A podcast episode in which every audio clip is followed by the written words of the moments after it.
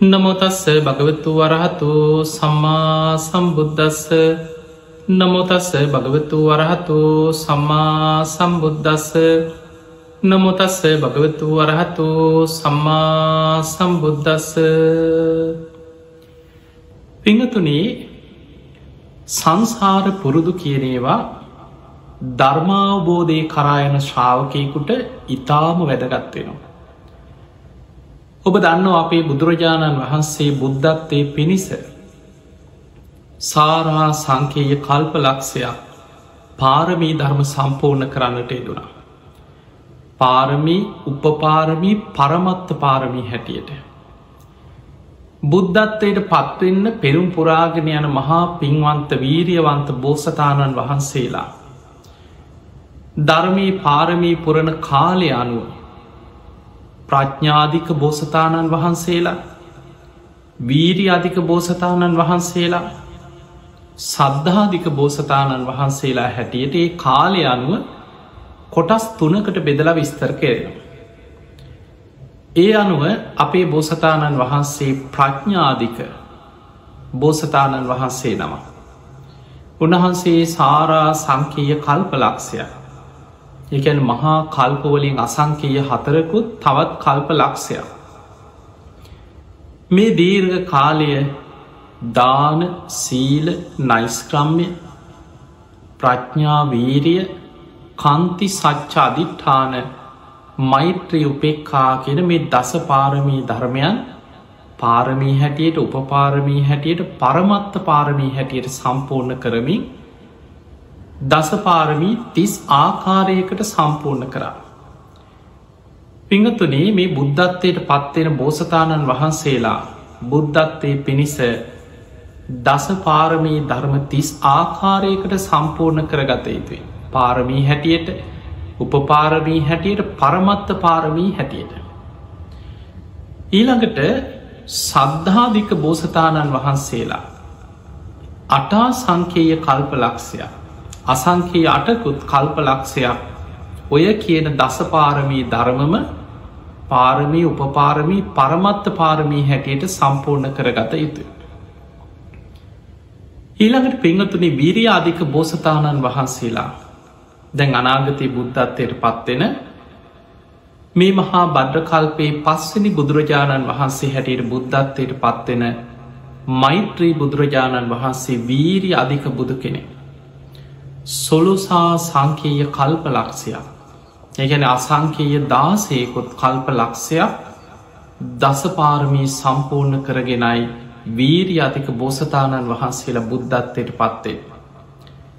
ඒමනම් අපිට පේනවා බුද්ධත්වය කරායන ඒ මහා පින්වන්ත බෝසතාණන් වහන්සේලා සාරා සංකීය කල්පලක්ෂේ අටා සංකීය කල්පලක්ෂය සොලොසා සංකයේ කල්පලක්ෂේ හැටියට පාරමී පුරණ කාලය ඒ ඒ බෝසතාණන් වහන්සේලා අනුව වෙනස් වෙන. ඊළඟට ධර්මය සඳහන් වෙනවා පසේ බුදුරජාණන් වහන්සේලා. පසේ බුද්ධත්වය පිණිස පාරමී පුරණ බෝසතාණන් වහන්සේලා අසංකේය දෙහෙකුත් කල්පලක්ෂයක් පාරමී පුරන්නට ඕන. එතනදි දාන සීල නයිස්ක්‍රම්ය ප්‍රඥා වීරිය කන්ති සච්චා අධිට්ඨාන මෛත්‍රී උපෙක්කා කෙන මේ දස පාරමී ධර්ම පාරමී හැටියටත් උපපාරමී හැටියටත් සම්පූර්ණ කරන. පසේ බුද්ධත්වයට පත්වෙන බෝසතාණන් වහන්සේලා පරමත්ත පාරමී පුරන් අවශ්‍යයි කියල සඳහනක් නෑ. පාරමී හැටියට උපපාරමී කියලා කියන තමන්ගේ ශරීර අවයාව පවා දන් දෙනවා. තමන්ගේ ඇස්සිස් මස්ලේ ශරීර කොටස් දන් දෙනවා. කිසිම හේතුවක් නිසා තමන්ගේ ශරීර අවයාවයක් නැති වුණා. පාරමී ධර්මවලට හානියක් නොවේ තමන් පාරමී ධර්ම සම්පූර්ණ කරන. ඒ විදිහට අසංකීය දෙහෙකුත් කල්ප ලක්ෂයක් පාරමී පුරාගෙන දීර්ඝ සංසාරි ගුණධර්ම පුරල තමයි පසේ බුද්ධත්වයට පත්වේ. ඊළඟට පිංහතුනී බුද්ධ ශාසනයක් තුළ මහරහතන් වහන්සේලා අතර සේෂ්ඨතම මහරහතන් වහන්සේලා දෙනමක්කින්න. හැම බුද්ධ ශාසනයක. ඒ තමයි අග්‍රශ්‍රාවක මහරහතන් වහන්සේලා. මේ අගර්ශාවකයන් වහන්සේලා අගසව් තනතුර ලබන්නේ ඒකා සංකේය කල්පලක්ෂයක් පාරමී පුරලා. එකන අසංකේයකුත් තවත් මහා කල්ප ලක්ෂයක් අසංකයකුත් කල්ප ලක්ෂයක් පාරමී පුරණ. එතනදී උපපාරමී පරමත්ත පාරමී ගැන සඳහන් වෙන්නේ. පාරමී හැටියට.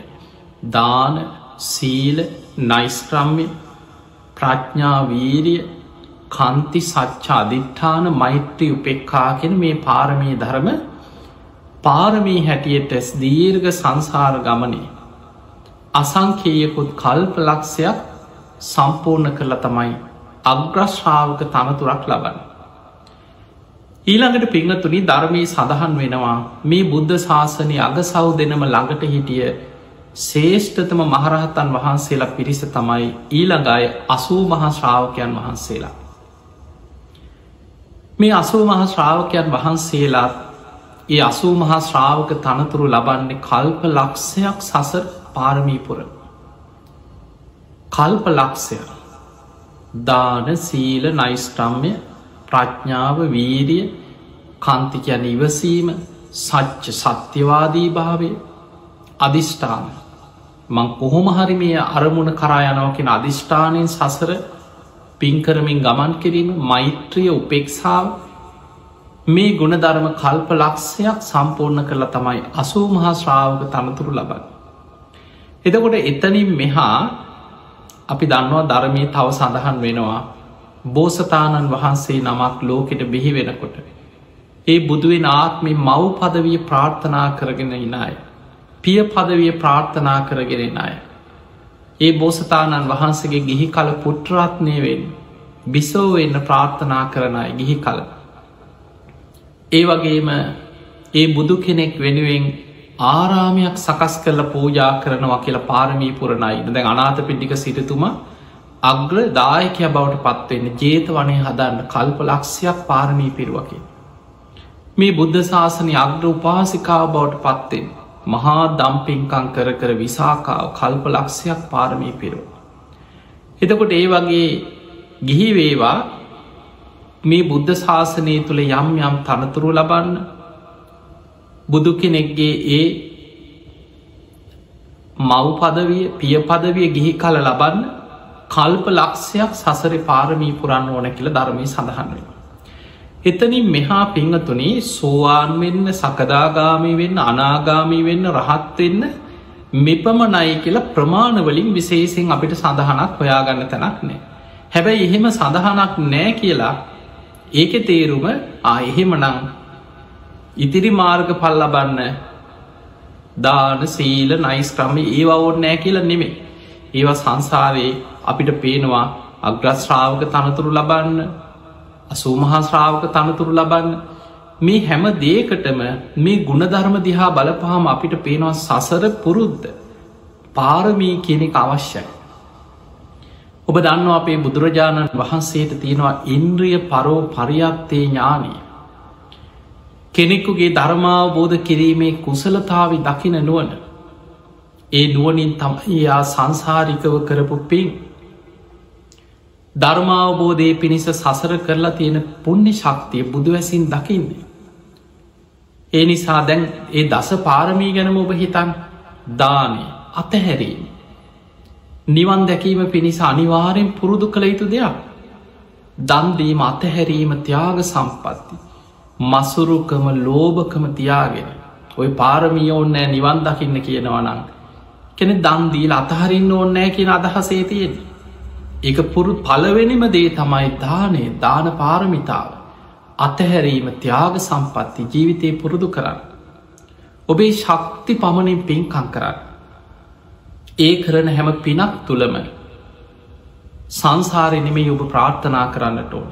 දිවිය සැප මනුස්ස සැප මට මේ වගේ සැප සම්පත් ලැබේවා කියල ඔබ සැප ප්‍රාර්ථනා කරන එක නෙවෙයි. ඔබ කරන හැම පිනක් තුළම ධර්මී සඳහන් වෙනවා නිස්සරණ අභ්‍යහාසේ. නිවනම අරමුණු කරගෙන ඔබ දානයක් දීලා හිතනවා මේ දාන මේ පින මට නිවන් අවබෝධය පිණිස පාරමිතාවක් වේවා.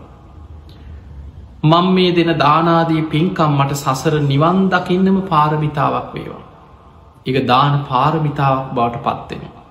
අත්හැරීම සංසාර පුරුදු කළ යුතු දෙයක්. අමාරුයි හැබැයි ටික ටික ටික ටික පුරුදු කරලා පුරුදු කරලා සංසාර පුරුද්දක් තියෙන කෙනා තමයි බොහොම සතුටින් දන් දෙන්න. දන්දීලා හිත පහදවාගන්න. තමන් කරපු පින් ගැන හිත හිතා සතුටුයි. තුන් සිත පහදවා දන් දෙනවා කියලො බහල ඇති දානයට පෙරහිත පහදවාගන්නවා. දානෙ දෙන වෙලාවේ කර්ම කරම් පල විශ්වාසයෙන් හිත පහදවාගන්නවා කොයි තරන් ලාභයක්ත. ඒ දානි දුන්නට පස්සෙත් හිතනවා.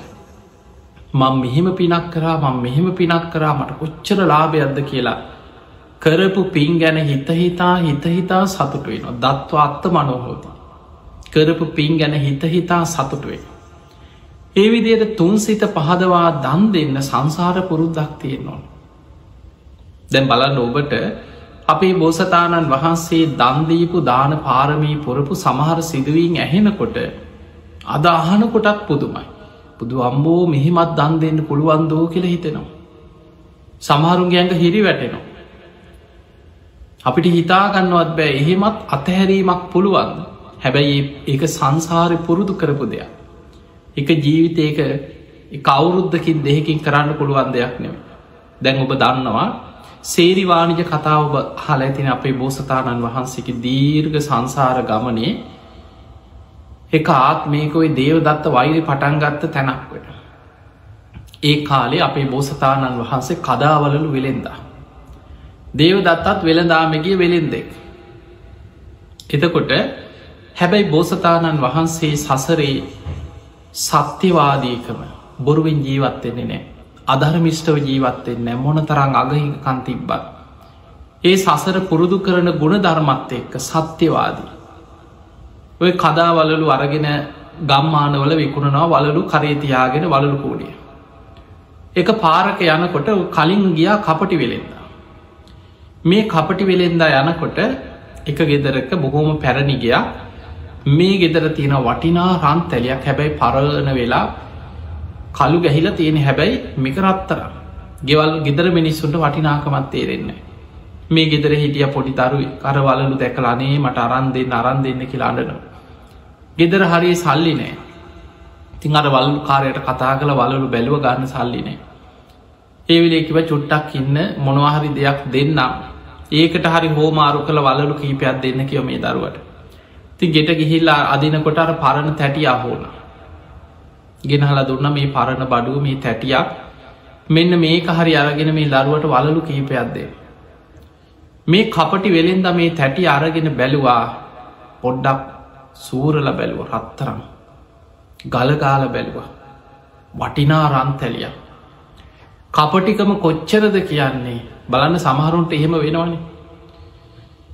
කපටිකම වැඩි වුණාට පස්සේ ලැබෙන ලාබේ අහිමි වෙලා යන ඒ වගේ කපටිකම වැඩිවීම නිසාම බලනු කීපයක්දීල මේ කරගෙන යන්න තිබුණා.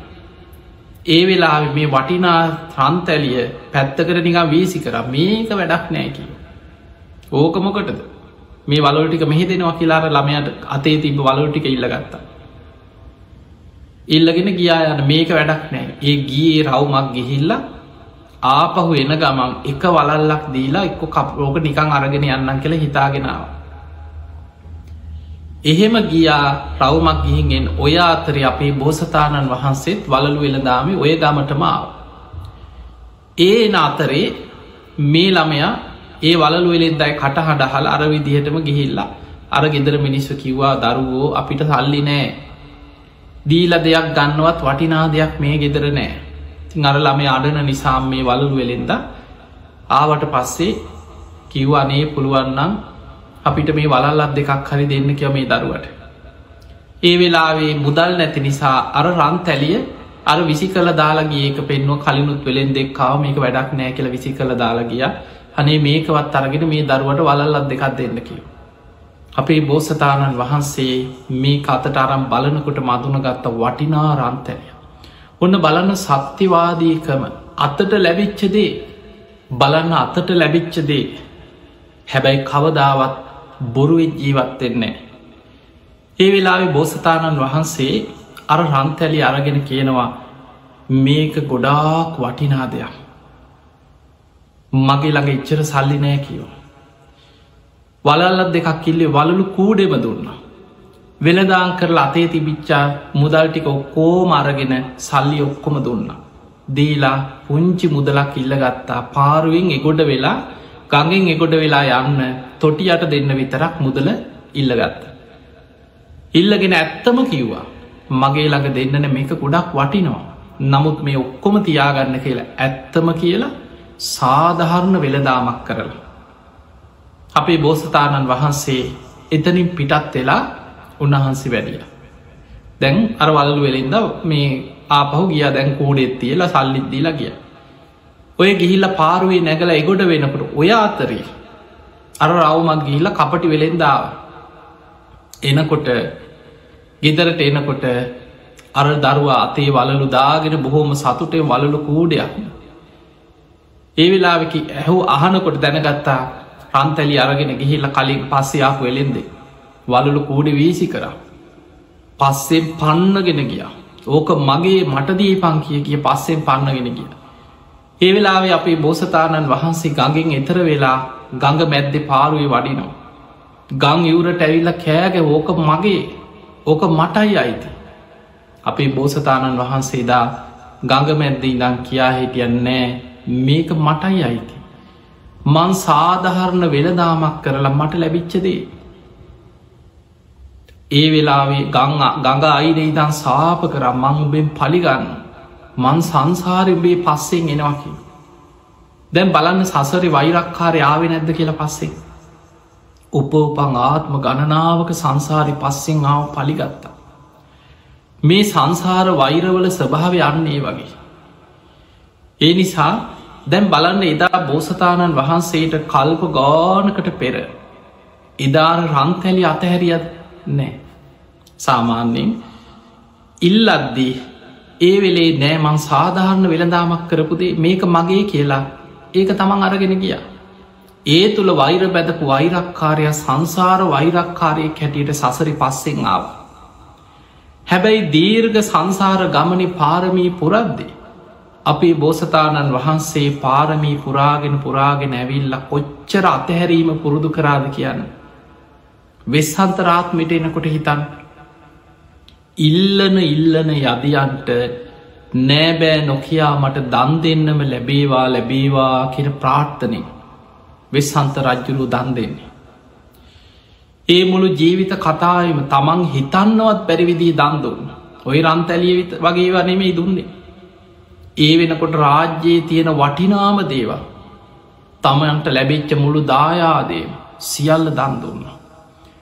රටේ හිටිය රාජකය හස්තිය මංගල හස්තිය ආභරණ පිටිම්ම ඉල්ලපු ගමන් ඇතාගෙන් බැහැලා හොඩ වැල ඒ අයගේ අත උඩ තියලා පැන්වඩල පැන් දන්දුන්න. අවසානි නගරවාසීම් පවා කොපිත වුණා. පමණ නොදැන ඉල්ලන ඉල්ලන හැමෝටම දන් දෙන මේ වෙස්සන්තර නම් මේ නගරි තියාගන්න එපා. මොකෙකුට හරි යකෙකුට හරි අපිවත් දන්දෙයි කියලා මිනිස්සු කොපිත වුණා. මාලිකාව ඉස්සරහා උද්ගෝසන කරන්න පටන් ගත්ත. පිය රජ්ජුරුව ඉදිරියේ කෑගහල මිනිස් උද්ගෝසනය කියා හිටියා මේ වෙස්සන්තරනන් තියාගන්න එපා. වංකගිරියට පිටත් කරලා මේ ප්‍රදේශයෙන් ඈත පලාතකට කොහිට හරි තවස් දම්පුරන්න යවන්න මෙයා රාජ්‍යයට හරියන්නේ. ඉල්ලන ඉල්ලන හැමෝටම වටිනා දේවල් සියල්ල දෙනවා. එතකොට ඒ අවසාන වෙස්සන්ත රජ්ජුරු තමන්ගේ දේවිය තමන්ගේ ඇස් දෙක වගේ දරුව දෙන්න පවා දන් දුන්න. මහපොළොව හත්වාරයක් කම්පාවෙනවා වෙස්සන්තරාත්මි දන් දෙනකොට. බ වෙස්සන්තර කතාව අහල බලන්න. මේ දේශන අහනකොට පුදුමයි. එදකොට බලන්න අර කල්ප ගානකට පෙර එදා රන්තැලී ඉල්ලපු වෙලාට ආතියාගනින් ඕන්නන් කියලා දුන්න නෑ නිදා? එදා නෑ මේක මගේදී මේක සාධහරණෝ මට ලැවිච්චදේ මං මේක දෙන්න නෑ කියලේ දායක තියාගත්ත. හැබැයි සංසාරය පාරමී පුරණකොට දාන පාරමිතාව පුරලා උපපාරමී පරමත්ත පාරමී පුරලා දන්දීල දන්දීලා බුද්ධත්වයට පත්වෙන්න ආසන්න කාලය එනකොට කොච්චර දාන පාරමිතාව සම්පූර්ණ වනාද කියන්නේ මහපොලෝ පවා කම්පාවෙනවා දන් දෙනකොට තමන්ගේ ඇස්සිස් මස්ලේ පවා ජීවිතේ පවා පූජා කරපු ආත්ම ගැන සඳහන් වෙනවා පරමත්ත පාරමිතා පුරමින් දන්තුරු. එනිසා පිංහතුන අපිට පේනවා සංසාර පුරුදු හැටියට දානය සසර පුරුද්දක් හැටියට පුරුදු කළ යුතු දෙයක් අතහැරීක ලේසි දෙයක් නෙමේ. සංසාර පුරුද්දක් හැටියට පුරුදු කරා. සීලය සංසාර පුරුද්දක් හැටියට පුරුදු කර යුතු දෙයක්. නයිස් ක්‍රම්ම මේ කාමයන් අතහැරීම කාමයන්ගේ ආදීනව මෙනෙහි කරලා කාමයන් ගැන තියෙන නොවැල්ම සංසාර පුරුද්දක් හැටියට වැඩිය යුතු දෙයක්. ප්‍රඥ්ඥාව වීරිය කන්ති සච්චා අධිට්ඨාන මෛත්‍රී උපෙක්කා ධර්මාවබෝධය පිණිස සසර ටික ටික ටික ටික සම්පූර්ණ කළ යුතු දේවල්. දැන් ඔබ හිතන්න ඔබ අද අද අපි දන් දෙනවා. අද අපි සිල් රකිනවා. අද අපි භාවනා කරනවා. අද අපි මෛත්‍රිය වඩනවා. ඉවසීම පුරුදු කරනවා. මේ ගුණධර්ම අපි පුරුදු කර කර අපි ප්‍රාර්ථනා කරන්නට ඕනෑ මේ මම් වඩන ගුණධර්ම මට නිවන්න අවබෝධයට පාරමිතාවක් වයෝ. දැන් අපි මේ ජීවිතයේ භාවනා කරා කියලා හිතන්න. අපි කොහොමහරි නිවන් දකිනවා කියලා භාවනා කරන. හැබැයි මේ ජීවිතය අපිට මාර්ග පලයක් ලබන්න බැරිවෙන්න පුළුව.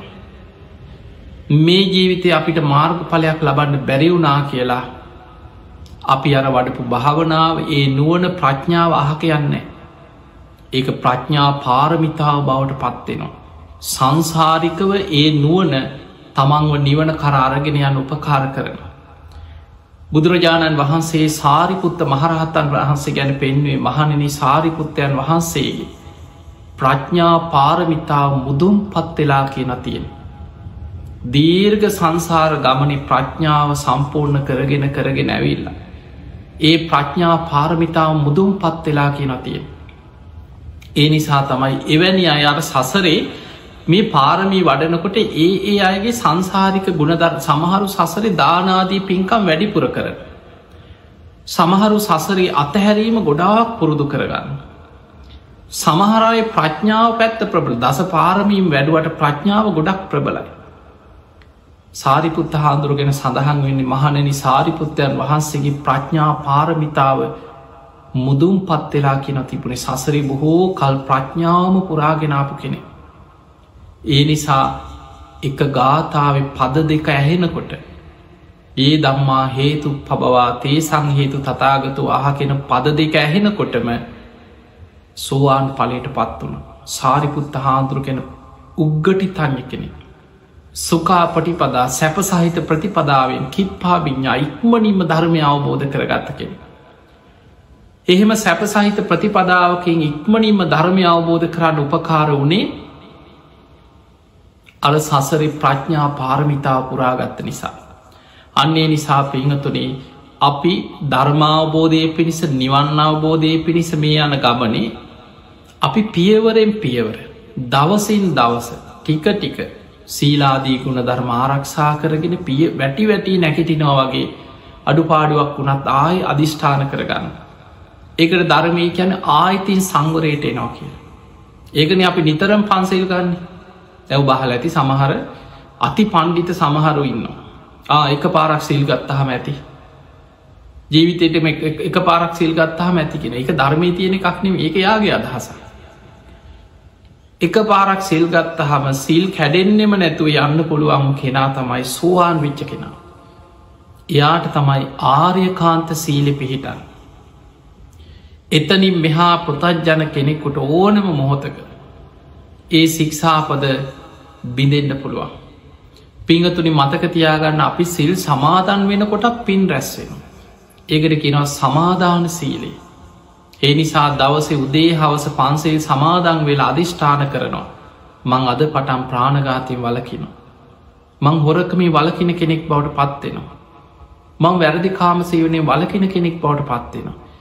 ඒකට කෙන සමාධාන සීලේ සමාධාන් වෙනකොට විශාල පිනක් රැස්සෙනවා. ඊළඟට විරති සීලේ. ඒ සික්ෂාපද බිදෙන් අවස්ථාවක් කැඩෙන් අවස්ථාවක් එනකොට අර සීලේ මෙනෙහි කර අධිෂ්ඨාන කරගන්නවන්නේ මං උතුම් සීලේක පිහිටපු කෙනෙ.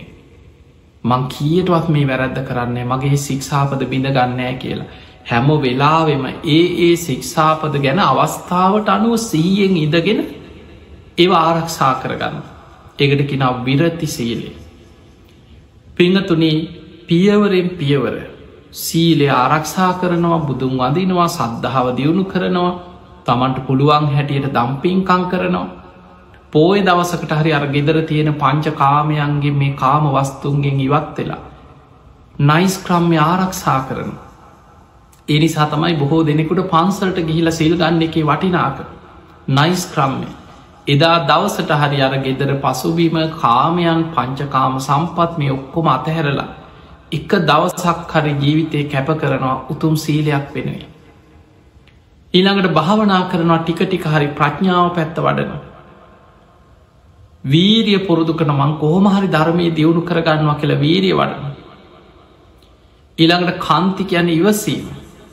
සත්‍යවාදී කළ අධිෂ්ඨාන මං කොහොමහරි ධර්මය කරයනවා කියෙන අධිෂ්ඨාන මෙන්න මේ ගුණධර්ම පුරුදු කරගත්ත කෙනා බුදුරජාණන් වහන්සේ පෙන්න්නනවා එයා පියවරෙන් පියවර පියවරෙන් පියවර ධර්මාබෝධයට අවශ්‍ය ගුණධර්ම වඩාගෙනයන් පිංහතුනී බුදු කෙනෙක්ගේ ජීවිතේ අපේ බුදුරජාණන් වහන්සේ උදෑසන දොළොස් කෝටි ලක්ෂවාරයක් මහා කරුණා සමාපත්තියට සමවදින. ගන්ධකුටේ නම් දස දහසක් ලෝක දහතුවට බුදු ඇස විහිදෝල බලනවා. කවුද අද දවසි ධර්මය අවබෝධ කරන පින්වන්තමය. අද දවසේ මේ ධර්මය අවබෝධ කරන පින්වන්තමයි කොහෙද ඉන්න කියලා බුදුවැසින් බලනවා. ඊළඟට බුදුරජාණන් වහන්සේ ඒ අය හොයාගෙන එතනදි දකිනවාර උග්ගටි තඥාය කෙටියෙන් අහල ධර්මය අවබෝධ කරන්න පින තියෙන අය සසර බොහෝ කල් පෙරුම් පිරපු අය ඒ අයි හොයාගෙන බුදුහාමුදුරු වඩිනවා. පෙර පින් තියෙන කෙනා හොයාගෙන බුදුරජාණන් වහන්සේම ළඟට යන. අන්න ඒකයි පෙර පාරමී ධර්මවල පිනේ වටිනාක. බුදුරජාණන් වහන්සේ යුදුන් ගනන් ඒ අයි හොයාගෙන ගිහිල ඒ අයට ධර්මය කියල දෙනවා. පෙර පින තියෙන කෙනා ළඟට බුදුහාමුදුරු යනවා. ඊළඟට බුදුරජාණන් වහන්සේ හවස් කාලෙත් දොළොස් කෝඩි ලක්ෂ වාරයක් මහා කරුණා සමාපත්තියට සමවදින. ගන්ධකුටේ දන් දස දහසක් ලෝක දහතුට බුදුවැස විහිදෝල බලනු. කවුදාද හවස් සරුවයි දම්සභා මණ්ඩපේටි බණහාල ධර්මය අවබෝධ කරා. අද දවස මාර්ග පල් ලබන්නේ කවුද. අද රාත්‍රී කාලි බුදුහාන්දුර මුණ ගැහෙන්න්න දෙවියන් අතරින් බ්‍රහ්මයන් අතරින් නිවන් දකින්න කවුද. බුදුරජාණන් වහන්සේ අය අරමුණු කරගෙන දහම් දෙසනෝ. උන්වහන්සේ කල්තියාම දකිනවා පෙරකරපු පින සසර පාරමී ධර්ම ඒ අයගේ ඉන්ද්‍රිය ධර්ම වැඩිලා තියෙන ආකාරය අන්නේ අය අරමුණු කරගෙනයි බුදු කෙනෙක් දහම් දෙසන්න. පිංහතුනී පෙර පින කියන එක ධර්මී සඳහන්ගෙනවා පුබ්බේච කතපුඥතා පෙර කළ පින් ඇති බව ඉතාම වැදගත්ය. ඒ පෙර පින් නැති කෙනෙක් දැම් බලන්න බුදුහාමුදුරුවම හොයාගෙන අනේ මට බණක් අහන්න ඕන බුදුහාදුරුව දකින්න ඕන කියලා එනායගේ හැමෝම නිවන් අවබෝධ කරේ නෑ. සිය දහස් ගනම් බණහන්න හිටියත් බුදුරජාණන් වහන්සේ දහම් දෙසන්න පෙර බලනවා මේ ධර්මී ශ්‍රවණය කරන අය අතරින් ධර්මාවබෝධයට සසර පින්තියෙන්නේ කාතුළද. කෞද සසර පාරමී පුරාගෙනින් අයි මෙතනින් කවුද කියලා බුදු ඇසිම් බලන. බලලා ඒ අය අරමුණු කරගෙනයි බුදුරජාණන් වහන්සේ දහම් දෙසන්. අන්නේ පින තියෙන කෙනා ධර්මය අවබෝධ කරනු. ඒ නිසා පින්වතුනි පෙරපින පාරමී ධර්ම ධර්මාවබෝධය පිණිස සසර ගුණ ධර්ම වඩා ගැනීම කෙනෙක ඉතාම වැදගත්. දැන් අපිට සමහර වෙලාවට මේ ජීවිතේ බුද්ධ දේශනා දිහා බලනකොට ඔබට සමහර සිදුවී දැක්කහම හිතෙයි එක ගාථාවහල නිවන් දකිනයි. සමහර චරිත සිවුරුවත් ඇගේ නෑ රහත් වෙනවා දැම් බාහිය දාරුචීරිය දරපතුරු ඇඳගෙන පිස්සෙක් වගේ බොහෝ දුරක් ගෙවාගෙන සතිගාන සමට මාසයක් දෙකක් වෙන්න පුළො ඉන්දියාවේ දකුණු ප්‍රදේශයේ ඉදං සැවැත්නුවරට යොදුන් ගානක් දුවගෙන දුවගෙන දුවගෙන බුදු හාමුදුරු හොයාගෙන ආපු කෙනෙක් බාහිය. එතකොට බාහිය කැලේ අර තියෙන ගස්වල පොතු කොලවලින් හදාගෙන වැද්දෙක් වගේ ඔහොම ඇඳුමක් තමයි හදාගෙන හිටී දර පතුරුවලින් එනි සතමයි දාරු චීරික දර පතුරු ඇඳගත්ත කෙනා. නම බාහිය. හැබැයි පෙර සසර පිනති ඒක පේනෑ මිනිස්සුන්ට බුදුරජාණන් වහන්සේක ගාථාවයි කෙටියෙන් කිව්වේ මේ බුද්ධ ශාසනයේ කෙටියෙන් වදාළ ධර්මය අවබෝධ කරගත් භික්‍ෂූන් වහන්සේ අතර අග්‍රම කෙනා තමයි බාහිය ධාරුචීරය මහරහතන් වහන්සේ. පිංහතුනී පෙර පින කියන එක. කාශ්‍යප බුද්ධ ශාසනය ඔන්න බලන්න පින කාශ්‍යප බුද්ධ ශාසනය කියල කියන්නේ අපේ බුදු හාමුදුරන්ට පෙර මේ මහා බද්්‍ර කල්පයේ පහළ වනේ කකු සඳ කෝනාගමන කාශ්‍යප කාශ්‍ය බුදුරජාණන් වහන්සේ. ඒ කාශ්‍යප බුදුහාන්දුරගේ කාලේ තරුණයෝ කීප දෙනෙක් ඒ කාලේ තරුණ වයසෙම ඒ බුද්ධ ශාසනී පැවිදි වුණ ඒ වෙනකොට කාශ්‍යප බුදුහාන්දුරුව පිරිනිවන් පාල හැබැයි ධර්මය තියෙන. ඒ ධර්මයක් පිරිහීගෙන යන කාරය තැන් අදගන්න බුදුහාදුරු පිරිනිවන් පාල අවුරුදු දෙදස් පන්සීයක් වෙනකොට කොච්චර ධර්මී සුරූපෙන් අධර්මි බලවත් මොන තරම් බුදුහාන්දුරගේ ධර්මය විකෘති කර කර ධර්මය විනාස වෙනවද. මොන තරන් ධර්මී සුරූපෙන් විකෘති දේවල් ලෝකෙ මතු වෙනවද. ඒ වගේ කාශ්‍යප බුදුහාන්දුරු පිරිනිවන් පාල ඒ බුද්ධ ශාසනය පිරිහීගෙන යන කාලි තමයි මේ තරුණයෝ ටික මේ එකතු වෙලා පැවිදිවුණ. පැවිදි වෙලා බොහෝම සීලාදී ගුණධර්ම වඩාගෙන හිටියා ශාසනික පරිහානිය දැක්ක. දැකල කල්පනා කරා අපිට උතුම් ධර්මය ලැබිල තියෙනවා. මේ ධර්මය එන්න එන්න පිරිහෙනවා. ශාසනය පිරිහෙනවා. නමුත් අපි දිවි දෙවනි කොට වීරිය වැඩුව. අපිට කොහොමහරි මේ ධර්මය අවබෝධ කරගෙන මාර්ගඵලයක් ලබාගන්න පුළුවන් වෙයි. තාම බුද්ධ ශාසනී පවතින යුගයක්. අපි වීරිය වඩමු කියලා මේ පැවිදි වෙච්ච ස්වාමීන් වහන්සේලා හතර පස් නම එකතු වෙලා මහ කැලේට ගිය එකම අධිෂ්ඨානය කැලේ ඇවිදගෙන ඇවිදගෙන යනකොට මහා කැලේ ඇතුළ විශාල ගල් පරෝතයක් දැක්ක. කතා වුණ අපි මේ පරෝතය උඩට කොහොමහරි නැගගෙන දිවි දෙවනි කොට භාවනා කරම. අපිට එතකොට අප්‍රමාදිය වීරිය වඩන්න පුළුව හොඳයි කියලා හැමෝම එකඟ වුණා. මේ පිරිසම එකතු වෙලා දිග උනලී වගේ ගස් හොයාගෙන ඇවිල්ල එකට එක බැඳලා කොහොමහරි උඩට නැගගන්න දිග ඉනි මගක් හදාගෙන හේත්තු කරගත්තා. දින කීපයකට ප්‍රමාණවත් වතුර උඩට ඇදගත්තා. පලතුරු ටිකක් කන්න බොන්න ටිකක් මොනවහරි ආහාර ටිකක් ඔය ගස්වල කොළ ගෙඩි ටිකක් එකතු කරගෙන උඩට ඇදගත්තා. මේ ටික ගල මුදුනට අරගෙන මේ පස් නමම අර ගල උඩට නැංගමී ස්වාමීන් වහන්සේලා පිරිස. උඩට නැගලා අර ඉනි මඟ පෙරලු. දැන් එකම විකල්පය ඇතින් පැන්නොත් එක් අත පය කැල්ල මැරෙන්න්න පුළුවන්. බහින් අතකුත් නෑ කෑ ගහවට කෙනෙකුට ඇහෙන්නෙත් නෑ. මේ පස් දෙනාම කතා වුණත් දැන් අපිට දින කීපයකට ප්‍රමාණවත් ආහාර පාන ටිකක් තියෙන. අපි දිවි දෙවනි කොට වීරිය වඩන්නට ඕන අපිට ජීවත් එන්න තියෙන තාම ස්වල්ප වෙලාවයි. අපි දිවි දෙවනි කොට අකුසල් සිතක් ඇතිවෙන්න ඉට නොදී වීරිය වඩම. මරණයෙන් කෙලවර අපි වීරිය නම් අතහරින් නෑ කියලා අර ගලේම තැන් තැන්ගොලින් වාඩි වෙලා මේ පස්නම භාවනා කරන්න පටන්ගත්. දවස් දෙක තුන යනකොට ආහාර අවසන් වේගෙන ගිය. හතරවෙනි දවසේ එක සාමීන් වහන්සේ නමක් ප්‍රහත් වුණ. උන්වහන්සේ බොහොම ඉරදි බල සම්පන්න කෙනෙක් හැටියට පෙරපින් තියෙන කෙනෙක් ඒ අතරෙන් ධර්මය අවබෝධ කරගෙන මහරහත් භාවට පත්වනු. උන්වහන්සේ ඉරදියෙන් අහසිම්ම වැඩියා අර ආහාර අවසානය අහසිම්ම ප්‍රදේශයකට වැඩිය. වැඩම කරලා ඉදා පිණ්ඩ පාති කරගෙන පාත්තරයට දානය අරගෙන අහසිම්ම මේ පරත බුදුනට වැඩිය. වැඩම කරලා අනෙක් සාමීන් වහන්සේලාට කිවා ආශ්මතුනි දැන් අපි ගත්තා ආහාර දැන් අවසානයි. ඔබහන්සේලාට මං පිණ්ඩ පාති කරගෙනාව මම නං වීරිය වඩලා මම ශාසන බ්‍රහ්මචරියාව සම්පූර්ණ කරගත්තා කතන් කරණයක් කළ යුතුදේ මං කරලා අවසන් කරා. මට ආයි නිවන් අවබෝධය පිණි සමුතුයින් කරන්න දෙයක් දැන් ඉතුරු වෙලා නෑ. ඔබහන්සේලා වීරිය වඩන්න මං ඔබහන්සේලාට දානටික ගෙනහල්ල ඒ කාලි තුළ පූජා කරන්නම් කියලකිව. අනි සාමීන් වහන්සේලා හතර නම්ම කියා හිටියා අපි මේ ගල මුදුනට වැඩියේ උඩට නැගගත්තේ ඕය වගේ පොරොන්දුවකට නෙමේ. ඔබහන්සේ මහා වීරියවන්තයි ඔබහන්සේ කොහොම හරි අපි සියලු දෙනාට කලින් ධර්මය අවබෝධ කරගෙන රහත් වුණා ඔබහන්සේට අපේ නමස්කාරවේවා හැබැයි ස්වාමීනි ඔබහන්සේගේ දානනම් අපිට එපා කිය. අපි මැරුණත් මේ ආහාර ටික නැතිවෙලා කලන්ති වෙලා මේ කල මුදුනි මැරුණත් අපි ආයි මෙතනින් එහා වෙන ආහාරයක් නම් අපි ගන්නෑ කිය.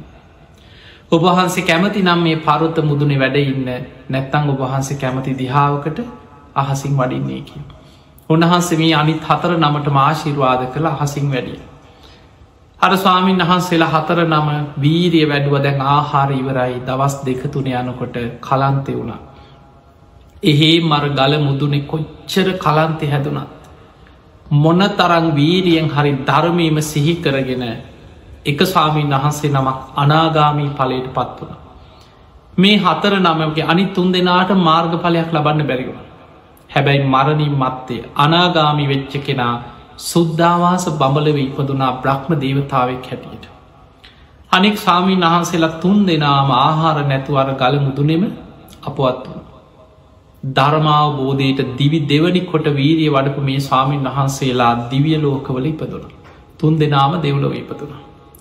බොහෝ කාලෙකට පස්සේ දිවිය ලෝකෙන් දිවිය ලෝකෙට බොහෝ සැප සම්පත් විඳලා අපේ ගෞතම් බුදුරජාණන් වහන්සේ පහළ වෙන්නකොට මේ අයි දෙව්ලවින් මනුලොවට ඇවිල්ල මේ අනිත් අයත් ඔය ඔක්කොම රහත්වෙන අනිත්තුන් දෙනාව. ඒ අතර කෙනෙක් තමයි බාහිය දාරුචීරි. බොහෝම ඈත ප්‍රදේශයක වෙනත් රටක තමයි ඉපදුනේ. වෙළදාම යන වෙළඳ නාවික පිරිසකට එකතුරා. පිරිසක් එක්ක නැව් නැගල වෙළඳ බහන්ඩ අරගෙන යනකොට හදිස්සියේම කුණාටුවකට හසුවෙලා නැව මුහුදු බත් වුණ. අහුවෙච් අහුවෙච්ච දේවල් අල්ලගෙන එකෙක් කෙනා එහාට මෙහාට පීනගත්ත. කෝම හරි බාහියට දරකොටයක් අහුුණ. පීනගෙන පීනගෙන දවස් ගානක් පීනගෙන යනකොට මුද්දටම වෙහෙසයි ඇතින් පේනවා දූපතක් වගේ. පීනගෙන පීනගෙන අන්තන් ඒකට එනකොට ඇගේ ඇඳුනුත් ගැලවිලා. අර මුහුදු රලවලට වතුර පාට ඇගේ ඇඳුනුත් ගැලවිලා ගිහිල්ලා හැබැයි ජීවිතය බේරුණ. අර වැල්ලි ටික වෙලාවක් හිදල අමාරුවෙන් නැකිටලා කැලේ ඇතුළට ගිහිල්ලා කල්පනා කරා ළඟ ගමක් තියෙනවද දන්න. මේ මොන රටකට ගොඩ බැස් හද දන්නෙත් නෑ ආවි ඉන්දියාවේ දකුණු ප්‍රදේශේ මුහුදුවෙර ලයිනකට තමයි ගොඩ ගැහවෙද. කැලේ ඇතුළට ගිහිල්ල කල්පනා කරා මේ ප්‍රදේශවල මිනිස්සු ඉන්නවනම් මොන ජාතිය මිනිස්සුද මිනි මස් කනායත් දන්නෙත් නෑ. ඒ නිසා කැලේට වෙලා කාලයක් ඉන්න එක හොඳයි කියලා. කැලේම තියෙන පලතුරු මොනවහරි කැලේ තියෙන කොළ වර්ග ආහාර කර ගනිමින් මහා කැලේ ඇතුළේ හිටිය. ඔය ඉන්නකොට ඇඳුමක් නෑ විලි වසාගන්න. ගස්වල තියෙන පට්ට එකතු කරලා ඒ වැැන් වැල් වර්ගවලින් හදාගත්ත ඇඟ වටේට උතා කරන්න ඇඳුමක්. දරපතුරොල ඒ නිසා තමයි ධාරුචීරයකි. දැම් මහා කැලේ ඇතුළේ ඉන්නවා. දරපතුරු ටිකක් ඇඳගෙන ඉන්නවා කැලේ ඇතුළ. ඔහොම කාලයක් ඉන්නකොට තින් වාඩි වෙලා ඉන්නවා කල්පනා කරනවා. ඔහොම කැලේ ඇතුළේ ඇවිද ඇවිද ඉන්නකොට ඈත ගංවල මිනිස්සු කැලේට එනවා දර කඩන්න එනවා බෙහෙත් වර්ග හොයන්න එනවා කොළ හොයන්න එනවා.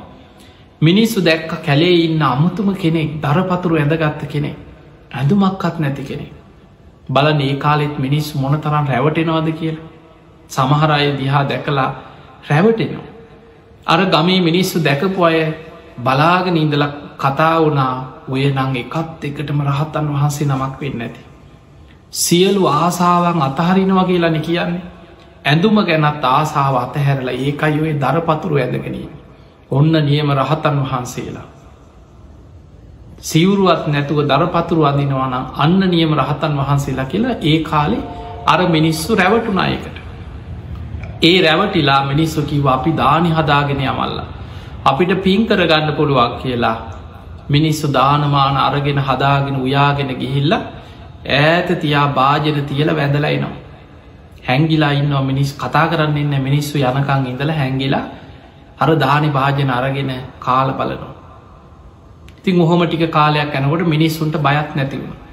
දැම් මිනිස්සු ඇවිල්ල ළඟටම ගෙනහල් ආහාර දීලා වැඳලා යනවා. අනේ රහතන් වහන්සේ කියල වැඳලා යනවා. ඔහොම ටික කාලයක් ඉන්නකොට බාහියට හිතුනා එහෙනම් මන් රහත්වවෙන්න නැති. මේ මිනිස් ඔක්කොම් මට රහතන් වහන්සේ රහතන් වහන්සේ කියලා වඳින්නේ. ඒනම් ඇත්තට මන් රහත්වෙන් නැති කියලා හිතුන් ඔන්න වැරදි දෘෂ්ටියකටාව. ඒ දෘෂ්ටිය එනකොට පිංහතුනි කල්්‍යාන මිට්‍ර සේවනයේ වටිනාකම කියන්නේ. අර කාශ්‍යප බුද්ධ ශාසනය එකට භාවනා කරලා අනාගාමි වෙලා සුද්ධවාස බඹලව ඉපදිච්ච බ්‍රහ්ම දේවතාව. බඹලව ඉදම් බැලිව කෝ මගේ යාලු. අපි එකට භාවනා කරා ගල මුදුනට නැගලා. අනිත් තුන් දෙනා කොහෙද දැන් ඉන්න කියලා බලනකොට දැක්කා එක්කෙනෙක් මෙන්න මහ කැලයක් ඇතුළේ දරපතුරු ටිකක් ඇදගෙන. මිනිස්සු ආහාර පාන ගෙනහල වැඳල සාධකී කිය යන. රහත් නොවී තමන් රහත් වනා කියල හිතාගෙන වැරදි දෘෂ්ටියක මෙයා කැලේ ඇතුළට වෙලා ඉන්නවා. ඒ වෙලාවෙ කල්පනා කරා මගේ සංසාධික මිත්‍රයක් පෙර බොහෝ පින් ඇති කෙනෙක්. ඔහු වැරදි දෘෂ්ටියකයි දැන්ගින්නේ. ඔහු බේරගන්න ඕන කියලා පෙනී හිටිය අර මහ වනාන්තරේ බාහිය ඉදිරියේ පෙනී හිටිය දිවිය සුරූපෙම මේ දේවතාව පෙනී හිටිය. බාහිය පුදුමෙන් පුදුමට පත් වනා තමන් ඉදිරියේ දෙවි කෙනෙක්. ඇහුව ඔබ කවුද එවිලේ කිව්වා බාහිය ඔබ වැරදි දෘෂ්ටියක් දරාගෙනන්නේ ඔබට පිහිට වෙන්නයි මංආාව. බාහි ඔබ රහත් කෙනෙක් නෙමෙයි ඔබ රහත් වෙන මාර්ගයවත් දන්න කෙනෙක් නෙමෙයි. ඔබ රහත් නොවී රහත් වනා කියලා වැරදි දෘෂ්ටියක ඉඳගෙන ඔබ මිනිස්සු මුලා කරන්න එපා විශාල අකුසලයක් ඒක. පෙර පින් තියෙන බාහි අහන වනේ දේවතාව ඇත්තම රහතන් වහන්සේ අද ලෝකෙ වැඩඉන්නවාද. ඒ වෙලාව අර දේවතාව කියනවා බාහිය රහතන් වහන්සේලා විතරක් නෙමේ ඒ රහත්වෙන මාර්ගයේ දේශනා කරන. තුන් ලෝකයාගේ මග්‍ර භාවයට පත්වෙච්චේ බුදුරජාණන් වහන්සේ නමක් පහළ වෙලා. වැඩඉන්නවා මීට බොහෝ දුරක් සැවැත්නුවර හොයාගෙන යන්න කිවා. නුබටත් ඒ මාර්ගයේ පාදගන්න පුළුවන්. ඔය පණවිඩේ කියලා දේවතාව අතුරු දහමුණා. අන්න බලන්න කල්්‍යයා පිනේ වටිනාකම කල්්‍යයාන මිත්‍රයන් එකට පෙර භාවනා කරලා ධර්මය දියුණු කරපු අය දෙව්ලොව හිටියත් පිහිට වෙනවා වෙලාවට ඇවිල්. බාහියට බුදු කෙනෙක් පහළ වෙලා සැවැත් නුවර වැඩඉන්නවා කියලා මේක කන වැටුනට පස්සේ පෙර සංසාර පින මතු වුණ. කැලෙන් එලියට දුවගෙන ගිය. දුවගෙන ගිහිල්ල ගමකට ගිහි ලැහූ අනේ සැබැත් නුවරට යන පාරක් දන්නවාද. මිනිස්සු කිව්වා කොහේ යන්නද කොච්චර දුරද මාස ගානක් යන්න වෙයි මෙන්න මේ පැත්තෙන් ගිහිල්ල මෙහෙම මෙහෙම පාරකිව. දුවන්න පටන් ගත්තා. දුවගෙන දුවගෙන මගදිකට හම්බෙන අයගෙන් අහනවා සැවැත් නුවරට කොයි පැත්තෙන් ගියොත් යන්න පුළුව තින් ඔහොම දුවගෙන යනවා එදා දවස කොහේ හට නතර වෙන. මොනවා හරි ඔය ගහක කොලයක් හරි හම්බෙන දෙයක් මොනෝහරි කනෝ. උදේ පාන්දර නැකිල්ලා ආයි දුවනවා. ඔය විදිහට මාස ගානක් දුවගෙන දුවගෙන පයිම් ඇවිදගෙනාව සැවැත් නුවරටම. ඔබ හිතන්න සසර පිනේ කොච්චර සසර පුුණ්‍ය ශක්තියක් තියෙන්න්න ඕොද. බුදු කෙනෙක් පහළ වෙලා කියලා දැනගත්ත වෙලාවේ ඒ තරම් කැපකිරීමක් දුවගෙන දුවගෙන විශාල දුරක් දුවගෙනාව දැන් හිතන්න බාහිය ගැන නිකං ඔබ පිටිං දකින්නක හිතලා. බාහිය කියන කැලයක් ඇතුළේ දරපතුරු ඇඳගෙන හිටපු කෙනෙ දැම් මේ කෙස් රැවුල් පිළිවලට කපලා ඔලුව පීරලයි නොනෙමයි කෙස් රැවුල් වවාගෙන දරපතුරු ඇදගෙන මෙනිහෙ පාරි දුවනවා දැක්කොත්. සාමාන්‍ය මිනිස්සු කියන්නේ අන්න පිස්සෙක් ආම් බලාපල්ලා පිස්සෙක් යනවා. ඔහොමනි කියන්න මිනිස්සු. ඒ කාලෙ කී දෙනෙක් නම් බාහිය පාරි දුවනකොට පිස්සා පිස්සා කියකී කියන්න ඇද. එහෙම පිස්සුවෙන් වගේ දුවගෙනෙන්නේ මේ බුද්ධ ශාසනයේ කෙටියෙන් වදාළ ධර්මය අවබෝධ කරගත් මහරහතන් වහන්සේ අතර අග්‍රස්ථානය ලබන කෙනා. කල්ප ලක්ෂයක් පාරමීපුරපු කෙනෙක් මේ. බුදුරජාණන් වහන්සේ හොයාගෙන සැවැත්නුවරටම දුවගෙනා. එදා බුදුරජාණන් වහන්සේ උදෑසන පිණ්ඩ පාති වැඩම කළ බාහිය දුවගෙන දුවගෙන ජේතවනයටාව. භික්‍ෂූන් වහන්සේලා පිරිසක් මිදුලාමදිනවා. දුවගෙන ඇවිල්ලා කිවනේ බුදුහාන්දුරු කොහෙද ඉන්නේ මට ඉක්මට උන්වහන්සේ දකින්න ඕනැකි. භික්‍ෂූන් වහන්සේලා ඇහ ඔබ කවුද මං බාහිය කිය. ඒනම් බාහි චුට්ටක් කොහොම ඉන්න තතාගතයන් වහන්සේ පින්ඩ පාති වැඩියකි. අනේ මට ඉන්න බෑකි කොයි පැත්තරද උන්වහන්සේ වැඩිය කියලා දුවන්න ගත්ත. සැවැත් නුවර නගරේ පාරක් පාරක් ගානි දුවදවා බුදු හාමුදුරු හොය හොයා දුවන. ඔහොම යනකොට බුදුරජාණන් වහන්සේ පාරක් දිගේ පින්ඩ පාති වඩිනවා. ඈතදි මඳුනගත් තරඉන්න බුදුරජාණන් වහන්සේමයි. දුවගෙන ගිහිල්ල මහ පාරෙම දනගහගෙන වැඳ වැටුණ. ස්වාමීනී මම බාහිය සාමීනි මම් බා අනේ මට ඉක්මනට බණ ටිකක් කියන්න. බලන්න තියෙන ආසාාව. බණහන්න තියෙන උනන්දු. ඒ වෙලාවේ බුදුරජාණන් වහන්සේ වදල බාහිය මේ බණ කියන වෙලාව නෙමෙයි. මේ පින්ඩ පාත යන වෙලා බාහිය චුට්ටක් ඉවසල ඉන්න කියෝ. එදකොට බාහියකෙන අනේ ස්වාමීනී ඔබහන්සේට අනතුරක් වීද කවුද්දන්න මගේ ජීවිතයට අනතුරක් වීද කවුද්දන්න මොකද බාහියට ඒ වෙනකොට බුදුවරු ගැන තේරුමක් නෑ සද්ධාව තිබුණට. අනේ ස්වාමිනි ඉක්මනට මට බණටිකක් කියන්න කියෝ. බුදුරජාණන් වහන්සේ දෙවනි වතාවක්කින බාහිය මේ පින්ට පාත යන වෙලාව චුට්ටක් ඉවසලයින් එදකොට බාහිය තුන්ගනි පාරත්කින අනේ ස්වාමිනි හෙම කියන්න එපා. ඔබහන්සේ නම් දුකින් මිදිච්ච කෙනෙ බොහන්සේ සියල් අවබෝධ කරගත්ත කෙනෙ මන් තාම කෙලෙස් සහිතයි. අනේ මට ඉක්මනට බණටිකක් කියන්න කිය. බුදුරජාණන් වහන්සේ පාත්‍රය අතේ තියාගෙන බාහිය දයා බුදු ඇසිම් බැලුව. ඉන්ද්‍රිය පරෝ පරියත්ති ඥානීෙන් බුදු ඇසිම් බැලුවා. බාහියගේ පෙරපින දැක්ක. හැබැයි බාහියගේ ආවිෂ ගෙවිලා ඉවරයි. පෙර සංසාරය කර්ම විපාකයක් විපාක දෙනවා. ඒක වලක්වන්න බෑ. තව ටික වෙලාවකින් එල දෙනෙක් ඇනල මැරෙනවා. ඒකත් පෙර බලවේගයක් එක්ක එන කර්ම විපාකයක්. බුදුරජාණන් වහන්සේ කර්මය වලක්වන්න කියන බුදුහාන්දුර බුදු ඇසිම් බැලුවේ බාහියට ඊට පෙර නිවන් දකින්න පින තියෙනවා. පාත්තරය අතේ තියාගෙනම මහපාර අයිනෙදිම බුදුරජාණන් වහන්සේ මේ ධර්මය හකුලවලා කෙටියෙන් දේශනා කරා.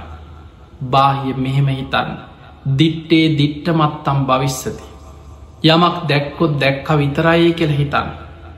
සුතේ සුතමත්තම් භවිස්සති යමක් ඇහුණොත් කනෙන් ඇහුණ විතරයි කියලා හිතන්. මුතේ මුතමත්තම් භවිස්සති යමක් දැනුනොත් දැනුන විතරයි කියලා හිතන්. නාසීට ගඳ සූද දැනෙනවා දිවට රස දැනෙනවා කයට පහස දැනුවයි දැනෙනදේ දැනී මාත්‍රයෙන් අවසන් කරන්න. විඤ්ඥානයේ විඤ්ඥානමත්තම් භවිස්සති යමක් හිතුනොත් ඒක සිතුවිල්ලකින්ම අවසන් කරන්න. බාහි ඔබ ඒ විදිහට ඇස කණ නාසය දිවකය මනස ආයතන හයෙන් එෙන අරමුණු. එත්තනම ඔබට විදර්ශනා කළ අතහරින්න පුළුවන්න. එහි කෙලෙස් සහිත නිමිති සටහන් මතකතියාගෙන ඒ ඔස්සේ ඔබ දුවන්නේ නැත්නම්. බාහි ඔබේ හිත එතන පිහිටන්නේ. බාහි ඔබේ හිත වෙන තැනක පිහිටන්නෙත් නෑ. ඒ අතරත් නෑ බාහි ඔබ පිරිනිවන් පානවා කියව. ඔන්න කෙටියෙන් හකුලෝලා ඔය කාතාව බුදු හාමුදුරුව ඔය විදිහට කෙටියෙන් බණකිව. බුදුරජාණන් වහන්සේ පාත්තරය අරගෙන ඒම ඉදිරියට වැඩියා බාහිය මහපාරෙම දනගහගෙන ඒ කරුණු විමසන්න පටන් ගත්තා. දැක්කොත් දැක්ක විතරයි. කොහොමදේ. ඇහැයි රූපයයි විඤ්ඥානය නිසා ඇහැට රූපයක් පේෙන්. ඇහුණොත් ඇහුණ විතරයි කනින් සබ්දැහෙන. කනයි සබ්දය විඤ්ඥානය නිසා සබ්දැහෙන. නාසයෙන් ගඳ සුවද දැනෙනවා.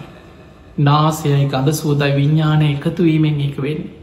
ඔය විදිහට ආයතන හය ගැන මෙනි අර පෙර භාවනා කළ කාශ්‍යප බුද්ධ ශාසනය ගලක් උඩට නැගල දිවි දෙවනිකොට භාවනා කරපු පුරුදු සසර පුරුදු මතු වුණා අර දරපතුරු පිටිම්ම රහත් වුණා. ඒ ධර්මය අවබෝධ වෙනකොටම කුලප්වෙච්ච එල දෙනක් ඇන්න එහෙම මහ පාරෙම ඇදගෙන වැටුණා එතනම පිරිනිවන් පෑව. එදා හවස බුදුරජාණන් වහන්සේ දම්සභා මණ්ඩපේ වැඩඉන්නකොට භික්‍ෂූන් වහන්සේලා මේ ආරංචිය ගැන කතාවෙන.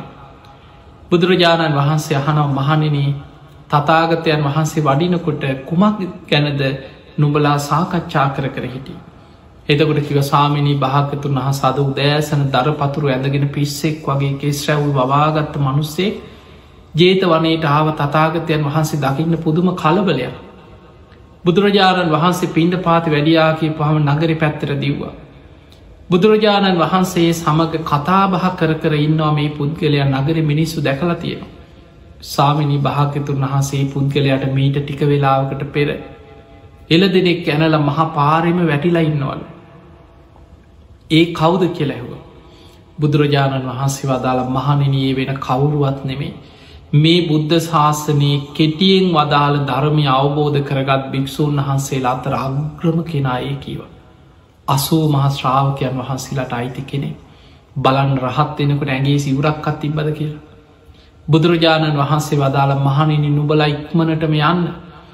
ඒ බාහිය ධාරුචීරිය මහරහතන් වහන්සේගේ ඒ උතුම් දේහෙ අරගෙන ඇවිල්ලා චිතකයක් හදල ආදාහනය කරන්න.